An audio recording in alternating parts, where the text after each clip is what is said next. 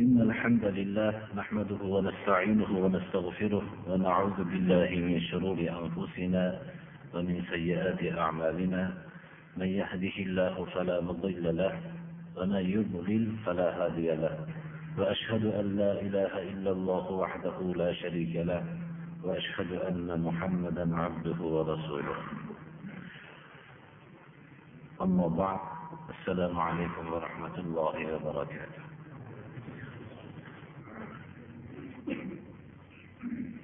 أعوذ بالله من الشيطان الرجيم وما خلقت الجن والإنس إلا ليعبدون alloh subhanahu va taolo inson va jin toifasini faqat o'zimgagina ibodat qilishlik uchun yaratdim deb shu oyatda inson bilan jinning asl yaratilishligidan bo'lgan maqsadni bayon qilyapti demak inson bilan jin toifasining yaratilishligidan asl maqsad ibodat. Ibodat bu tavhiddir. Chunki o'tgan payg'ambarlar bilan ummatlar o'rtasidagi kelishmovchilik mana shu tavhid asosida bo'lgan. Shuning uchun tavhid bu ibodatning tub mag'zidir. Va asl ibodatdir. Tavhid go'yoki ibodatdan tutgan o'rni agar misol joiz bo'lsa tahorat namozga nisbatan tutgan o'rnini oladi. Namoz har qancha ko'rinishlikda chiroyli bo'lsa tahorat bo'lmasa bu namoz bo'lmaydi. Shunga o'xshagan ibodatlar ko'rinishlikda har qancha chiroyli bo'lsa ham u tavhid asosida bo'lmasa u ibodat bo'lmaydi. Go'yoki tavhidning aksi bo'lgan shirk bu najas manzilatidagi najas tekkan narsa libos nopok bo'lganga o'xshagan najas tushgan suv har qancha toza suv bo'lsa ham najas tushishligi bilan nopok bo'lganga o'xshagan bu ibodatga shirk najasi tushishligi bilan bu ibodat har qancha ko'p bo'lishligi bilan shu ibodat barbod bo'ladi.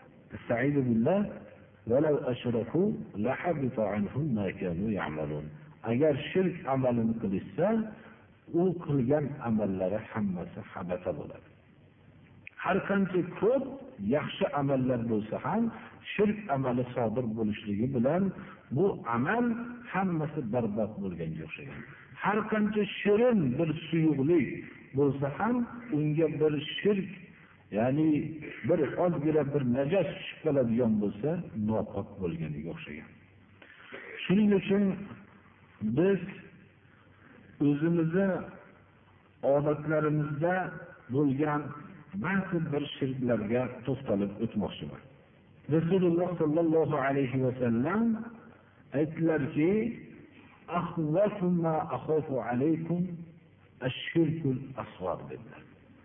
men sizlarni ustinglarda qo'rqadigan narsamning eng qo'rqinchlirog'i shirki asg'ar dedilar kichkina shirk dedilar.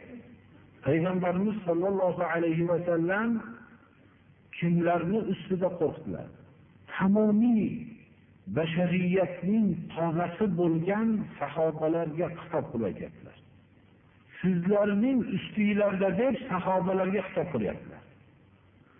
Demak sahobalarni ustida rasululloh sollallohu alayhi vasallam shirkdan qo'rqqan narsalari eng qo'rqinchli narsa bo'lgan bo'lsa boshqa ummatni bir holiga boydir undan tashqari qo'rqqan narsalari ashirkul asg'ar kichkina shirk dedilar.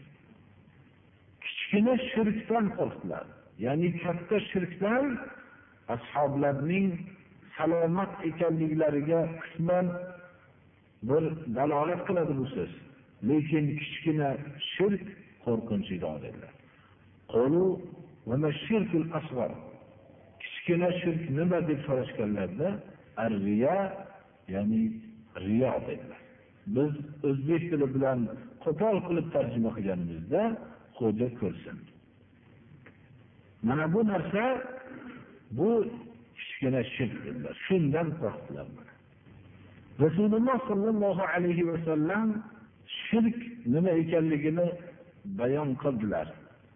Bu bayonlari voqeiy holatlarda sodir bo'ldi shirki akbar ollohga sharik qilishlikni olloh kechirmaydi لا يغفر أن يشرك به ويغفر ما دون ذلك لمن يشاء ومن يشرك بالله فقد افترى إثما عظيما olloh o'ziga sharik qilinishligini kechirmaydi uni buyog'idagi gunohlarni xohlagan bandasinikini kechiradi Kim ollohga bir narsani sharik qilgan bo'lsa ollohga katta bir bo'xton payg'ambarimiz sollallohu alayhi vasallam bilan ummatlar o'rtasidagi kelishmovchilik bu ollohni inkor qilishlikda emas edi. Ollohni ba'zi sifatlarini inkor qilishlikda emas edi.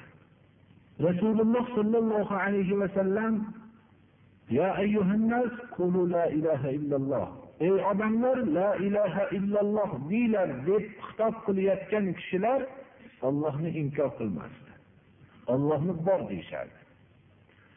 Ollohni yaratuvchi yakka yaratuvchi deb bilishardi. Koinot yerni kim yaratgan deyilsa olloh deyishardi. Ollohni yakka rizq beruvchi zot deb tan olishardi. Koinot yerni olloh boshqaradi deyishardi. Olloh o'ldiradi olloh tiriltiradi. Yagona bu sifatlarda yagonadir deb tan olishardi. Rasululloh sollallohu alayhi vasallam shular bilan kelishmadilar. Nima uchun? Yakka ollohni o'ziga ibodat qilishmasdi. Ibodatni ollohni o'ziga qilishmasdi.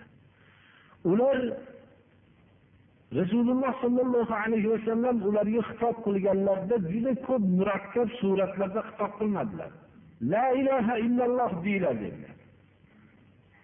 Ular yaxshi bilishardiki iloh kalimasini nima ekanligini. Iloh yagona ma'bud degan edi. Ya'ni sig'iniladigan zot yagona. Iloh kalimasini hozir musulmon kishilargina emas balki ilmni davo qilgan musulmonlar tushunmayotgan ma'noni johil kofir mushriklar u vaqtda tushungan. Edi iloh kalimasidan yagona ma'bud degan ma'noni ular tushunishgan edi. La ilaha illalloh la ma'buda illalloh deb tushunishgan edi. La ilaha illalloh kalimasini biz qanchalik kufr kalima ekanligini bilishimiz uchun alloh subhanahu va taologa Musa alayhissalom munojot qildi. Musa alayhissalom munojot qilib aytdilarki, ey Rabbim, senga yaqin qiladigan bir kalimani gapirib yuray. deganlarida Musa allimni shay'an azkuruka va ad'uka bihi. Seni yodingga olib, senga shu bilan duo qilib yuradigan bir narsani ta'limini bergin dedilar muso alayhissalom rasululloh sollallohu alayhi vasallamdan bu hadisni abu said hudriy roziyallohu anhu rivoyat qilyapti ya robbi allimni shay'an azkuruka va ad'uka bihi قال قل يا موسى لا إله إلا الله alloh subhanahu va taologa payg'ambar kalimulloh tavrot egasi bo'lgan zot seni yodlab yurib senga duo qilib sig'inib yuradigan bir narsani ta'lim bergin degan vaqtda la ilaha illalloh degin deb ta'lim berdi. Shunda muso alayhissalom aytdilarki hamma bandalaring bu narsani aytadi. deganlarida alloh subhanahu va taolo ya muso لو أن السماوات السبع وعامرهن غيري والأرضين السبع في كفة ولا إله إلا الله في كفة مالت بهن لا إله إلا الله ibn hibbon hokim o'zlarining jomi sahihlarida rivoyat qilgan agar yetti osmon va uni obod qilib turuvchi maloikalar ya'ni g'oyriy mendan boshqa deyapti alloh taolo. Hamma mavjudot yetti osmon va yetti yer hammasi tarozini bir pallasiga qo'yilsa qadr qiymatda la ilaha illalloh ikkinchi pallaga qo'yilsa la ilaha illalloh og'ir keladi dedi alloh taolo. La ilaha illalloh agar bu kalimani har bir kishi o'zini hayotiga tadbiq qilolmasa shunchalik qadrli qiymatli kishiga aylanadi. Ollohni huzurida shunday qadrli kishiga aylanadi. La ilaha illallohni haqiqati bilan aytgan oz kishini alayhissalomning davrida to'qqiz yuz ellik yil muso alayhissalom da'vat qilishliklari natijasida juda ozchilik iymonni qabul qildi. Shu ozchilikni alloh taolo juda ozchilik iymon keltirdi deb aytyapti. Ba'zi bir kishilar buni rivoyat asosida sahihmi sahih emasmi olloh biladi. O'n ikki kishi iymonni qabul qilgan deyiladi. Shu o'n ikki kishi la ilaha illallohni haqiqati bilan tan olganligi uchun yer kurrasida olloh butun bashariyat uchun obod qilgan yerni shu o'n ikki kishini salomat saqlab turib tamomiy olamni yo'qotib tashladi. Botqoqni tagida qo'ydi.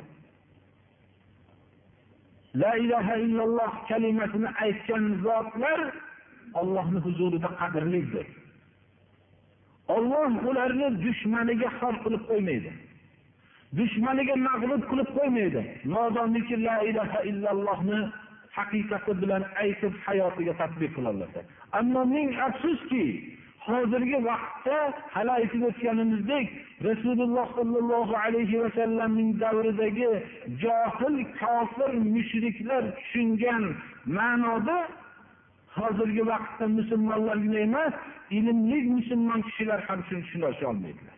Ular takror aytamiz ollohni bor deyishadi. Ollohni roziq deyishadi. Yagona olloh rizq beradi deyishadi. Yagona olloh koinotni yerni yaratgan va bizni yaratgan deyishadi. Yagona olloh koinotni yerni boshqaradi deyishadi. Mana shunday deb la ilaha illallohni yaxshi tushunishdida rasululloh sollallohu alayhi vasallamga qarshi turishdi. Nima uchun? Bu kalima ularning soxta obro'larini soxta amallarini hammasini barbod qilgan edi. bu kalima oliy bo'lsa hamma soxta ishlar hayotda yo'g'ilardi anas roziyallohu anhudan rivoyat qilinadiki rasululloh sollallohu alayhi vasallamdan eshitdim deydilar aytganliklarini allohu taala alloh azza va jalladan rivoyat qilib adam لو أتيتني بقراب الأرض خطايا ثم لقيتني لا تشرك بي شيئا لأتيتك بقرابها مغفرة alloh taolo inson farzandiga xitob qilib ey inson farzandi agar yerni qobig'i to'la xato bilan kelsang menga hech bir narsani sharik qilmagan holatda kelsang men senga yerni qobig'icha mag'firat bilan ro'baro bo'laman deydi Agar shirkdan salomat bo'lsa olloh xohlasa gunohlarni kechiradi. Mana bu hadisda yerni qobig'icha xato bilan ro'baro bo'lsang men yerni qobig'icha mag'firat bilan ro'baro bo'laman deydi. Ammo ollohga hech bir narsani sharik qilmaslikni shart qilingan. Ammo shirk bo'lsa kechasi turib ibodat qilib yig'lagan kunduzi nafl ro'za tutgan bu amallar hammasi barbod bo'ladi. Bunda ham shak shubha yo'qdir. Shuning uchun bizning bir hayotimizda ba'zi bir oddiy suratda shirk amallariga giriftor bo'lib qolinadigan ba'zi bir narsalarga eslatib o'tmoqchiman. Rasululloh sollallohu alayhi vasallam chunki shirkdan nihoyatda ummatlarni o'rtasida qo'rqdilar. Shu shirkni qattiqligi haqida biz yana shu narsani bilsak shu hadis sharifdan biz o'zimizga xulosa chiqarib olsak bo'ladiki rasululloh sollallohu alayhi vasallamdan rivoyat qilingan hadisni husayd degan zotdan rivoyat qilinadiki bu kishi aytgan ekanlarki inshaalloh buni sharhini sal turib qilamiz shunda bu kishi eshitganlarida ya'ni ruqya ruqya deb aslida dam solishlikni aytamiz. Qur'oni karim bilan dam solishlik haqida yoyinki ruqya mutlaqo odamlarni duoxonligi islomda ruqya yo'q degan ma'noni olinganda faqat bu duoxonlik bunday narsalar qilinmaydi. Ko'zdan va hamda huma isma bu narsadan ruqya o'qilinadi degan hadisni rivoyat sharhlaymiz shunda bu kishi eshitganlarida eshitgan narsasida to'xtagan odamga allohni yaxshiligi bo'lsin deb abdulloh ibn abbos roziyallohu anhuda payg'ambarimiz sollallohu alayhi vasallamdan rivoyat qilgan bir hadislarni keltirib عرضت علي الأمم فرأيت النبي ومعه الرهط والنبي ومعه الرجل أو الرجلان والنبي وليس معه أحد إذ رفع لي سواد عظيم فظننت أنهم أمتي فقيل لي هذا موسى وقومه. فنظرت فإذا سواد عظيم فقيل لي هذه أمتك ومعهم سبعون ألفا يدخلون الجنة بغير حساب ولا عذاب. ثم نهض فدخل منزله فخاض الناس في أولئك. ummatlar menga ko'rzalang qilindi deydilar rasululloh sollallohu alayhi vasallam merosga chiqqanlarida yo tushlarida shunda ba'zi payg'ambarlarni ko'rdimki ular bilan bir kichkina jamoa bor. Rohb deb uchdan o'n ikkitagacha bo'lgan jamoani rohb deydi arab tilida ba'zi bir payg'ambarlar menga ko'ldalang qilindi ular bilan bir kishi yoyinki ikki kishi bor. Ya'ni ummati bitta yoyinki ikkita ummati bor. Ba'zi payg'ambarlarni ko'rdim birorta yonida ummati yo'q. Bu nimaga dalolat qiladi? Bu payg'ambarlar da'vatdan sustlik qilgan emas ular to'xtamsiz ollohni buyrug'ini ollohni buyrug'i qanday bo'lgan bo'lsa shunday da'vat qilishganlar. Lekin ularga ergashgan kishilarning sonini oz bo'lishligi ular haqdan siljishmagan shu haqqa xohlasa ergashsin xohlamasa ergashmasin ammo bu haqqa buzishmagan. Odamlar bilan murosa qilmagan. Shuning uchun ham mana shunday payg'ambarlarcha da'vat qilgan payg'ambarlarga ergashgan kishilarning ozligiga dalolat qiladi. Bu ko'p ummat shirkdan salomat bo'lmaganligiga dalolat qiladi. To'satdan katta bir qoralik ko'plik menga ko'zalang qilindi. Men ummatim bo'lsa kerak desam bu muso va uning ergashgan qavmlari deb aytildi. Qarasam katta bir qora ko'rdim. Mana bu sizni ummatingiz deyildi.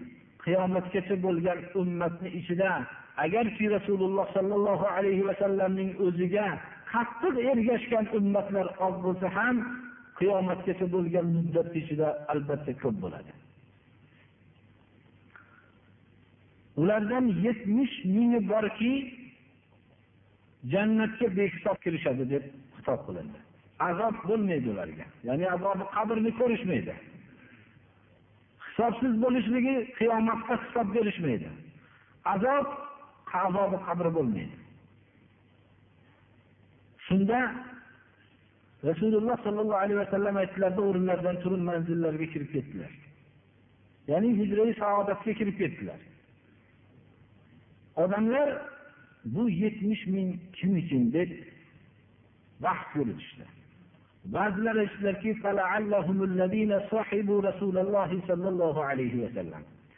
rasululloh sollallohu alayhi vasallam bilan hamma ishda sharik bo'lib birga bo'lgan kishilar bo'lsa kerak dedik وقال بعضهم فلعلهم الذين ولدوا في الإسلام فلم يشركوا بالله شيئا mumkinki bular islomda tug'ilib ollohga hech bir narsani sharik qilmaganlar bo'lsa kerak hayotida shirk amali ulardan sodir bo'lmagan kishilar bo'lsa kerak ya'ni avval mushrik bo'lib keyin islom keltirganlar emasu birdan tug'ilgan vaqtlarda islom davrida tug'ilib toza hayot bilan kechirgan kishilar bo'lsa kerak bir necha narsalarni esga olishib aytishdilar rasululloh sollallohu alayhi vasallam chiqdilar shunda u kishini xabardor qilishdilar shundan فقال هم الذين لا يسترقون ولا يكتبون ولا يتطيرون وعلى ربهم يتوكلون u yetmish ming toifa ruqya ya'ni duoxonlikni talab qilmasdan yashaganlar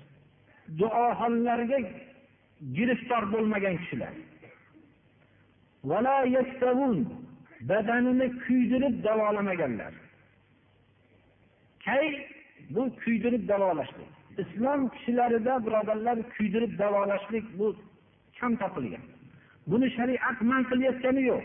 Lekin kuydirishlikka rozi bo'lmagan kishilar deb alloh subhana va taoloning eng ulug' yetmish ming bandasi o'zini badanini kuydirib davolamaganlar. Shumlanmaganlar. Ya'ni har bir narsalardan shumlanib shumlanish hammamizga ma'lum. Bu boyovli turibdi uy vayron bo'ladi bu turibdi yo'l bekildi va hokazo shumlanmasdan yashaganlar. Lekin insonni qalbiga bu kelishligiga alloh subhana va taolo hisob qilmaydi. shu kelgan narsaga qarab amal qilishligi bu shumlanishligi islomga ziddir robbilariga tavakkul qilib yashaydi. Shunda ukoshat mehson degan sahobalardan bittalari o'rinlaridan turib meni shu yetmish ming toifani bittasi bo'lay duo qiling dedilar. Siz shulardansiz dedilar. Boshqalari turdilarda فقال ادعوا الله أن يجعلني منهم meni ham shu yetmish ming toifadan bo'lishligimni allohga duo qilsinlar deganlarda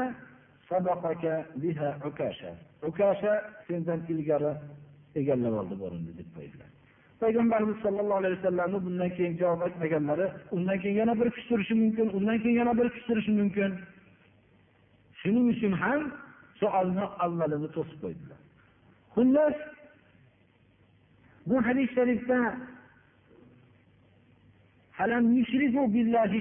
hatto sahobalar birinchi shu martaba ollohga hech bir narsani sharik qilmagan kishilar bo'lsa kerak deb shirkni qanchalik yomonligini hatto johiliyat davrida ham yomon bo'lsa kerak deb tushunishganliklariga dalolat qiladi. Xullas biz ba'zi bir hayotimizda bo'lgan shirklarga to'xtalib o'tmoqchimiz. Hali aytib o'tgan hadis sharifda ko'z va hamda isitmadan ruqya bunga masalan duo qilishlik agar qur'on qur'oni karim oyatlari bilan bo'lsa ulamolar bunga ruxsat berishganlar sahobalarning ba'zilari. Ba'zilari mutlaqo ruxsat berishmaganlar.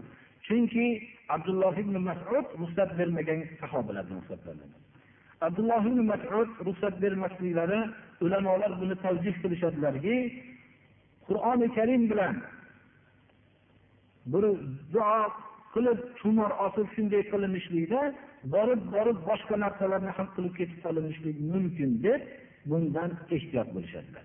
Lekin aslida kitobi sunnatda ko'pchilik ulamolarni fikrida ko'z va isitmaga dam solinib qur'oni karimdan yo biror narsani yozib tumor qilinishlik shar'an man qilinmagan ba'zi sahobalar man qilishganlar mana bu narsani farqini bilib olishimiz kerak shirk jumlasidandir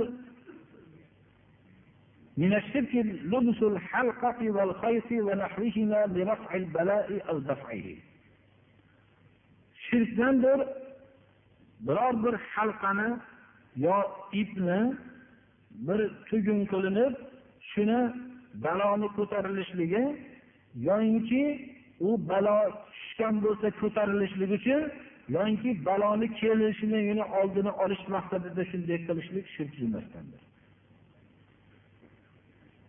alloh subhanahu va taolo qur'oni karimda قل أفرأيتم ما تدعون من دون الله إن أرادني الله بضر هل هن كاشفات ضره أو أرادني برحمة هل هن ممسكات رحمته قل حسبي الله عليه يتوكل المتوكلون ayting ey muhammad alayhissalom odamlarga aytinglarki deng ollohdan boshqaga sig'inyapsizlar agar olloh menga bir zararni iroda qilsa ular bu zararni ko'tarib tashlovchimi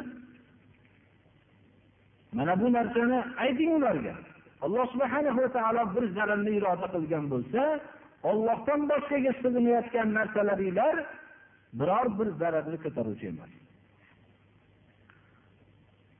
Imron ibn husayn roziyallohu anhudan rivoyat qilinadiki payg'ambarimiz sollallohu alayhi vasallam kumushdan bo'lgan bir halqani qo'liga bog'lab olgan kishini ko'rdilar. Bu nima? dedilar. Bu vahimadan saqlanishlik uchun vohina deb ko'p tabiblarni fikrida yelkadan o'tgan bir tomirki shu kasallangan bir tomir ba'zilar bo'lsa bilakdan ba'zilar oyoqdagi bir tomirni og'rishi shu narsani kasallikdan saqlanishlik uchun men shu halqani qo'limga bog'lab oldim dedi فقال انزعها فإنها لا تزيدك إلا وهنا فإنك لو مت وهي عليك ما أفلحت أبدا olib tashla dedilar bu senga vohina arab tilida suslik degani ya'ni suslik ma'nosi bor bu badaningni susaytirishlikdan boshqa narsani ziyoda qilmaydi senga battar kasallanasan dedilar agar bu kasallanib qolsayu mayli agar o'lsang shu halqa seni qo'lingga bog'langan holatda o'lsang hargiz najot topmaysan dedilar. Ya'ni bu shirkliga ishora qildi.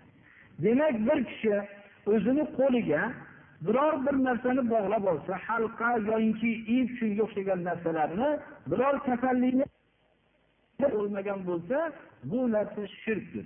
Agar shu narsa uni ustida turgan holatda o'lsa hargiz najot topmaydi.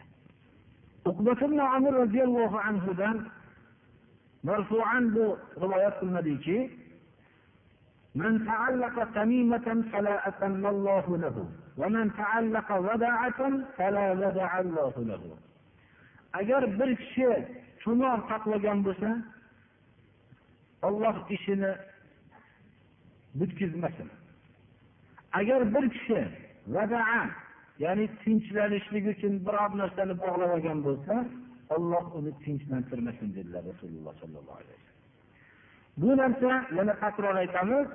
Hali aytib o'tganimizdek ixtilofli masalani hali aytib o'tdik. Shu narsa bilan birga tushunilishi kerak. Ba'zi rivoyatlarda kim bir tamima osib olgan bo'lsa mushrik bo'libdi degan ekanlar. Roziyallohu anhudan rivoyat qilinadiki bu kishi qo'lida bir ip bog'lagan odamni ko'rdilar. Bu ipni hech narsa yo'q edi bunda isitmadan saqlanishlik uchun bog'lab oldim degan. Biz hozir bu yerda o'tirganlar hayron bo'lishligi mumkin. Nahotki bir kishi johilligi shu darajaga chiqarmiki bitta ipni isitmaga kirmasin deb bog'lab olarmiki shunday johil odamlar bo'lgan deb o'ylab qolishi mumkin. Hozirgi vaqtda qilinayotgan johilliklar ham undan ortiq emas birodarlar hozirgi vaqtda ko'z tegmasin deb eshikka qoqib qo'yilgan taqa bu ip bog'lashlikdan ortiq johillik emas bu narsa. Masalan ko'z tikanni qo'yib qo'yilinishlik. Bu narsa mabodo bir kishi shu yerga kelganda ko'ziga kirib ketsin ko'zi o'yilib tushsin desa to'g'ri bo'lishi mumkin. Masalan shuni shu borganda shu bir adasini yesin shu odam desa mumkin buni to'g'ri deb tavjih qilish mumkin. Lekin shu narsa eshak otlar bavul qilsa hech qanday zararni yetkazolmaydigan yerda turgan kishan ustunga chiqishligi bilan tamomiy shu odamlarni ko'zdan saqlaydi deyishlik u ip bog'lagandan ko'ra bo'lmasdi. bu narsa ko'rdilarda uzib tashladilar va alloh taoloni mana bu oyatni o'qidilarda odamlarni ko'piga ko'pi allohga iymon keltirdim deydiyu mushrik holatida iymon keltirdim deydi. Degan oyatni o'qidilar ko'pchilik birodarlar ko'pchilik allohga iymon keltirdim deydiyu o'zi mushriklikdan bexabar. Yo'inki biror xabar bor qilsa ham olmaydi. Hali darsimiz avvalida ruqiya va tumonlar haqida alohida to'xtalib o'tamiz dedik. Ruqiya va tumorlar haqida. Ruqiya nima? Ruqiya qur'oni karimdan yoinki boshqa ma'sur duolardanmi ma'sur emas duolardanmi hammasidan to'plab xohlagan narsalarni yozib o'qilingan duo yoyinki yozib shuni osib olingan narsa bu tamima deymiz. Rasululloh sollallohu alayhi vasallam bilan birga abu bashiril ansoriy roziyallohu anhu safarda birga bo'ldilar ba'zi safarlarida payg'ambarimiz sollallohu alayhi vasallam elchi jo'natdilar ألا يبقين في رقبة بعير قلادة من وتر أو قلادة إلا قطعت shakkiroviy bo'lgani uchun payg'ambarimiz sollallohu alayhi vasallam iltijo qildilarki biror tuyani bo'ynida bunday bo'yniga bog'langan ip qolmasin dedilar magar uzib tashlansin dedilar. Abdulloh ibn masud roziyallohu anhudan rivoyat qilinadiki bu kishi aytadilarki rasululloh sollallohu alayhi vasallamdan eshitdimki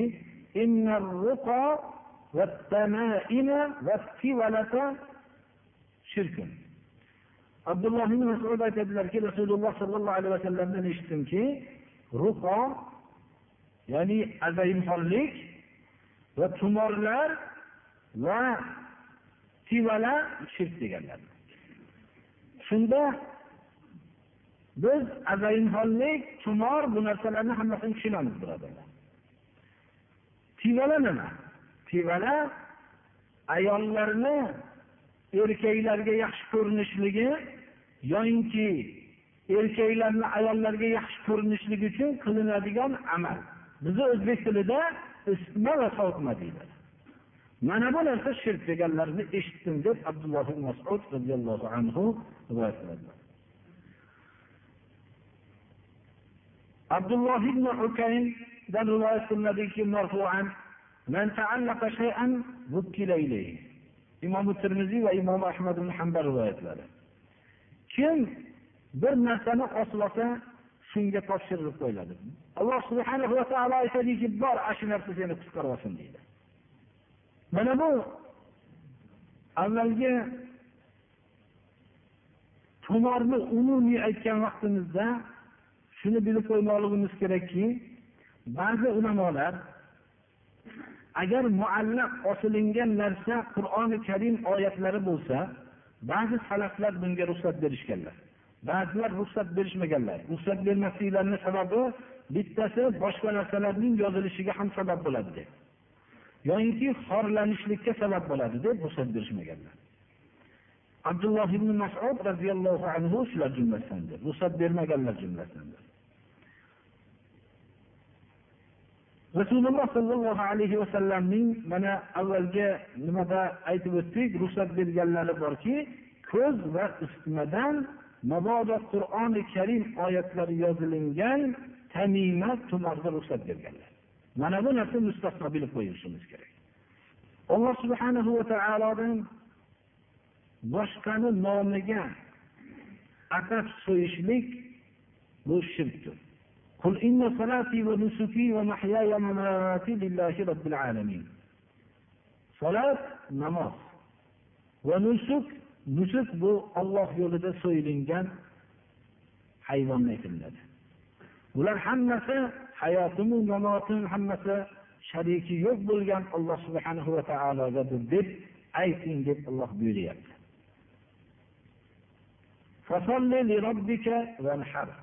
robbingizga namoz o'qing vanhar so'yishingizni ham robbingizga qiling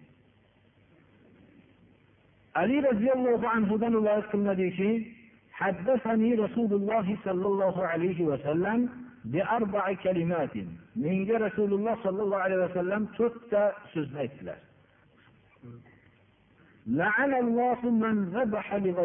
bittasi ollohdan boshqani nomiga so'yganni olloh la'nat qilsin dedilar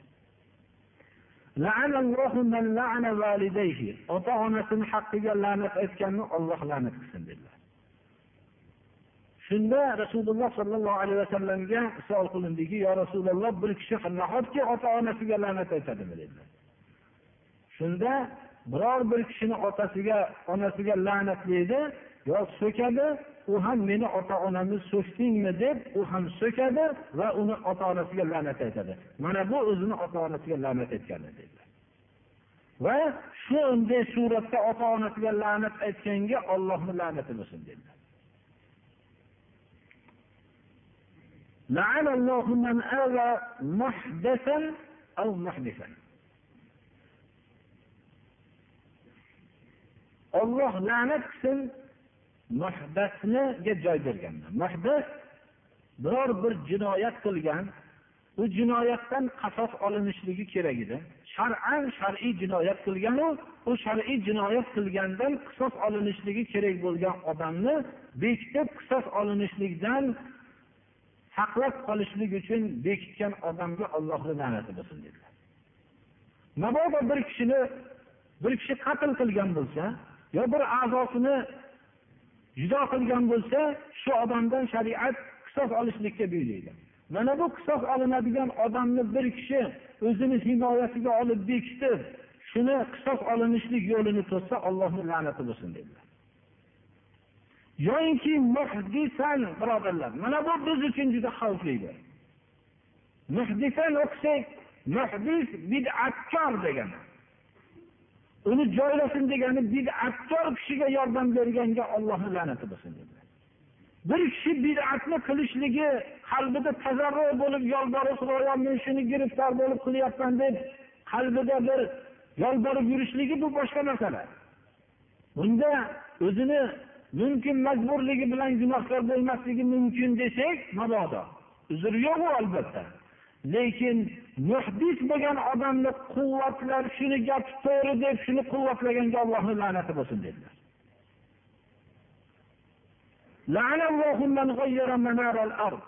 Yerni manorasini o'zgartirgan. Ya'ni ba'zi bir kishilar yerni bo'layotgan vaqtida shunday qirqilgan bo'lsa bu buniki bu uniki deb taqsim qilingan bo'lsa shuni darrov uni haqqini olishlik uchun qoqib qo'yilgan qoziqni jindirib birovni haqqini oladigan bo'lsa ollohni la'nati bo'lsin dedilar. Hadis shariflarda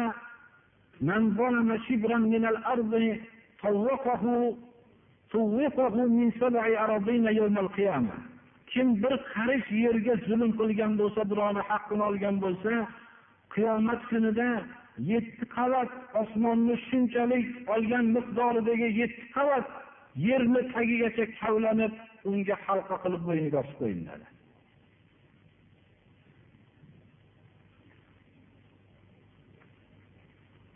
mana bu hadisni bilmaslik bu hadislarni masxara qilishlik natijasida mana bunday taqsimotni qilinishligiga minglab hay'atlar tuzildi zarracha foyda bo'lgani yo'q. Ammo islom yerlarni barobar taqsim qilishlikka alohida hay'at qilib o'tirmadi. Mana bu hadis sharif bilan o'zi tarbiyalab qo'ya qoldi shirk kichkina katta narsani e'tibori yo'q birodarlar. Shirk mabodo kishidan sodir bo'lsa alloh subhanahu va taolo uni gunohini kechirmaydi. Mana bu hadis sharif rasululloh sollallohu alayhi vasallamning bergan bizlarga tarbiyalari o'zi bizga tushunarli bo'ladi. tolik ibn shihob roziyallohu anhudan rivoyat qilinadiki payg'ambarimiz sollallohu alayhi vasallam aytdilarki دخل الجنة رجل في ذباب ودخل النار رجل في ذباب jannatga bir kishi shu qora pashsha sababli kirdi dedilar do'zaxga yana boshqa bir kishi qora pashsha sababli do'zaxga kirdi dedilar ya rasululloh yo rasululloh buni siri nima qanday bu tushunamiz deganlarda لا يجوزه أحد حتى يقرب له شيئا فقالوا لأحدهما قرب قال ليس عندي شيء يقرب قالوا له قرب ولو ذبابا فقرب ذبابا فخلوا فخلوا سبيله فدخل النار وقالوا للآخر قرب فقال ما كنت لأقرب لأحد شيئا دون الله عز وجل فضربوا عنقه فدخل الجنة إمام أحمد بن حنبل musnadlarda keltirganlar ikki kishi bir toifa odamlarning oldidan o'tdi dedilar rasululloh sollallohu alayhi vasallam ularni bir sig'inadigan buti bor edi buni oldidan biror kishini o'tmasdan magar biror bir narsani qurbonlik qilishligi shart edi ko'ryapsizlarmi? Mushriklar botil ahllari o'zlarining aqidasida qanday turadi? Bu butimizni oldidan bir narsa qurbonlik qilmasdan o'tkazmaymiz. Ya'ni shu yerdan bizni yo'limizga o'tkazmasdan birovni o'tkazmaymiz deyishardi mushrik qilib o'tkazamiz deyishardi o'zining botil aqidasida shunchalik sodiq turishardi bittalariga aytishdilarki qurbonlik qilasan deyishdi. Meni oldimda hech narsa yo'q qurbonlik qiladigan dedi. Bir qora pashshani bo'lsa ham qurbonlik qilasan dedi. Ho'p deb shu qora pashshani qurbonlik qilsam qilay dedida shuni qurbonlik qildi. Yo'lini xoli qilishda o'tib ketdi. Salomat qoldi. Lekin do'zaxga kirib dunyoda salomat qoldi. Do'zaxga kirdi dedilar. Boshqasiga qurbonlik qilasan deyishdi. Men ollohdan boshqaga hech qanday qurbonlik qilmayman dedi. Bo'yniga urishdi ya'ni boshini kesishdi jannatga kirdi dedi. Aqida bu narsa qilinayotgan amalning kichkina kattaligi emas uning ruhida ish. U shu mushrik bo'lib shu butga sig'inib shuni yo'lida qurbonlik qildi. Hayotini saqlab qolishlik uchun. Endi birodarlar molini sarf qilib o'zini ixtiyori bilan qiynalib topgan molini sarf qilib shirk yo'lida qurbonlik qilayotganlarning do'zaxga kirishligida shak shubha qolmaydi bunda. Bu hayotini saqlab qolishlik uchun bo'lsa ham shirkdan o'zini chetga olishligi kerak. Mabodo bir kishini bir zolim mast qiluvchi ichimlikni ichasan bo'lmasam kallangni olaman seni kallangni kesaman desa bu mast qiluvchi ichimlikni ichib hayotni saqlab qolishligi kerak. Agar haqiqatda shunday quvvatli zolim bo'lsa ammo shirk keltirasan desa bu narsani mutlaqo buni qabul qilishlikka yo'l yo'qdir lekin ba'zi bir kalima kufr haqida mukrah holati bor mukrah bundan istisnodir demak biz shuni bilishimiz kerakki ollohdan boshqaga atab so'yilingan narsani go'shti harom bu amalni qilgan odam shirk amalni qilgandir. Alloh subhanahu va taolo uchun ollohni nomini aytilib olloh uchun so'yilmaydi qurbonlik qilinmaydi. Agar ollohdan boshqaga so'yilinadigan joy bo'lsa mana bundan ham ehtiyot bo'lmoqlik kerak roziyallohu anhudan rivoyat qilinadiki نذر رجل أن ينحر إبلا ببوانة فسأل النبي صلى الله عليه وسلم فقال هل كان فيها وثن من أوثان الجاهلية يعبد قالوا لا. قال هل فهل كان فيها عيد من أعيادهم؟ قالوا لا. فقال رسول الله صلى الله عليه وسلم أوف بنذرك فإنه لا وفاء لنذر في معصية الله ولا فيما لا يملك ابن آدم. Bir kishi buvona degan joyda tuya so'yishlikni nazr qildi. Rasululloh sollallohu alayhi vasallamni oldiga kelib so'radiki men shu tuya so'yishlikni buvonada tuya so'yishlikni nazr qilgan edim. Shuni so'ysam bo'ladimi? deb so'raganda aytdilarki bu yerda johiliyat butlaridan bir but bormi? dedilar. Ibodat qilinib sig'iniladigan. Aytishdilarki yo'q. Bo'lmasam sizlarni bir sayilgohi bormi dedilar. Ya'ni g'ayri dinlarning sayilgohi bormi shu yerda dedilar. Ya'ni ba'zi bir id munosabatlarini o'tkazadigan joy bormi dedilar. Yo'q deyishdilar. Unday bo'lsa nazringga vafo qil dedilar. Demak shu hadisdan bilinadiki ollohdan boshqaga sig'iniladigan daraxt buloq mozor shunday bo'lgan joyda biz bu ollohni nomiga aytib ham so'rashlikdan o'zimizni to'xtatmoqligimiz kerak. Biror bir sayilgoh bo'ladigan bo'lsa g'ayri dinlar o'zlarining xos sayilgohlarini o'tkazadigan joy bo'ladigan bo'lsa bu ollohni nomini aytib ham so'yib bu yerda qurbonlik qilishlik mumkin emas deb birodarlar rasululloh sollallohu alayhi vasallam nima uchun so'radilar ikkitasi oldi? Biz diqqat beraylik bu narsaga. Allohga osiy bo'ladigan suratda nazr yo'q dedilar. Nazrga vafo qilinmaydi dedilar. Odam farzandi qodir bo'lmagan narsada ham nazri yo'q. Bir odam buni misolini tushunishligimiz uchun bir odamni mulki bor edi. Shu mulkini aytib ana shu mulkini ollohni yo'lida nazr qildim desa bir odam bir sayyorasini minib ketayotgan bo'lsa shuni ollohni yo'lida nazr qildim desa u sizni mulkingiz emasda u. Boshqani mulki shuning uchun unga nazr vafo qilinmaydi. Ya'ni birovni mulkini nazr qilib shu narsani vafo qilishim kerak deb birovni o'zi molik bo'lmagan narsani nazr nazr qilmasa bo'laveradi. Albatta unga vafo qilmaydi ollohdan boshqaga nazr qilishlik shirkdandir. Buni biz alohida aytib o'tganligimiz ollohdan boshqaga atalgan narsa shirkdir. Oysha roziyallohu anhudan rivoyat qilinadiki man nazara an yuti'alloha falyuti'hu va man nazara an ya'siyalloha fala ya'sihi. Allohga itoat qilishlikni bir kishi nazr qilgan bo'lsa bu nazriga vafo qilib itoat qilsin. Ollohga osiy bo'lishlikni nazr qilgan bo'lsa ya'ni allohga osiy bo'lmasin. Masalan bir kishiga musulmon kishiga men gapirmayman deb nazr qilib qo'ygan bo'lsa buni buzaveradi bu narsani. Bu osiy bo'ladigan surat. Ollohdan boshqadan istioza qilish ya'ni boshqa narsadan madad so'rab panoh istashlik shirkdir. qur'oni karimda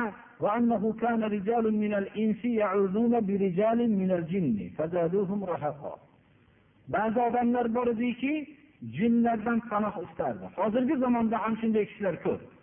Birov bir sahroga bir dahshatli qo'rqinchli joyga tushsa mana shu yerni tarbiya kunandasidan panoh istayman deydida shu yerda jinlarini kattasidan panoh istayman shu menga yordam bersin shu shu yerni zararlilaridan shu saqlasin shu yerda tarbiyat kunandasi deb pano istaydi. Mana bu narsa shirkdir bizni islom hayron holatda qo'ymadi. Mana hovlatu binti hakim roziyallohu anhudan rivoyat qilinadiki rasululloh sollallohu alayhi vasallamdan eshitdim deydilar bir manzilga tushadigan bo'lsa dahshatli o'ringa tushsa mana duoni bizga o'rgatdilarki rasululloh sollallohu alayhi vasallam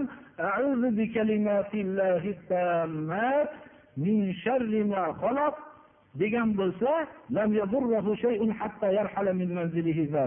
shu a'uzu bi kalimatillahi min sharri ma xalaq desa shu yerdan ketguncha Allohning izni bilan biror bir narsa zarar yetkazmaydi mana maxsus bir duo turib u narsani qo'yib rasululloh sollallohu alayhi vasallam o'rgatgan narsani tashlab boshqa narsaga murojaat qilishligi durust emasdir mana bu hadis shariflardan bizga ma'lum bo'ladiki o'zimizni voqeimizga qaraydigan bo'lsak ko'p birodarlarimiz musulmonman deb e'tiqodliman deb yurgan kishilar o'zlarini sayyoralariga har xil narsalarni osib olishadi. Uni ichida nima bor bilmaydi. Ko'p kishilar o'zlarini xonadonlariga haligi aytilgan narsalarni qo'yishadi. Bu narsalar na aql na din buyurmagan narsalarni moli davlat sarf qilib qilishadi. Ko'p manzillarga alloh subhanahu va taolodan madad so'ramasdan ko'p manzillarga borishadiki shu manzillardan madad so'rab kelishadi. Kasaliga shifo so'raydi va shunga o'xshagan narsalarni qilishadi. Bu narsalar alloh subhanahu va taoloning hayotda ko'rsatgan davo uslubida talab qilishlik bu ayni hikmat birodarlar. Rasululloh sollallohu alayhi vasallam har bir kasalga davo olloh hal qildi davolaninglar dedilar. Bu davo yo'llarining o'zini yo'nalishi bilan istashlik bu shariatga muvofiq ish. Ammo ruhiy madad so'rashlik alloh subhanahu va taoloni o'zidangina bo'ladi. Alloh subhanahu va taolodan so'raladigan narsani boshqa narsadan so'rashlik bu shirkdir. Shuning uchun o'zimizni hayotimizda bo'layotgan mana bu shirklardan saqlanmoqlik kerak.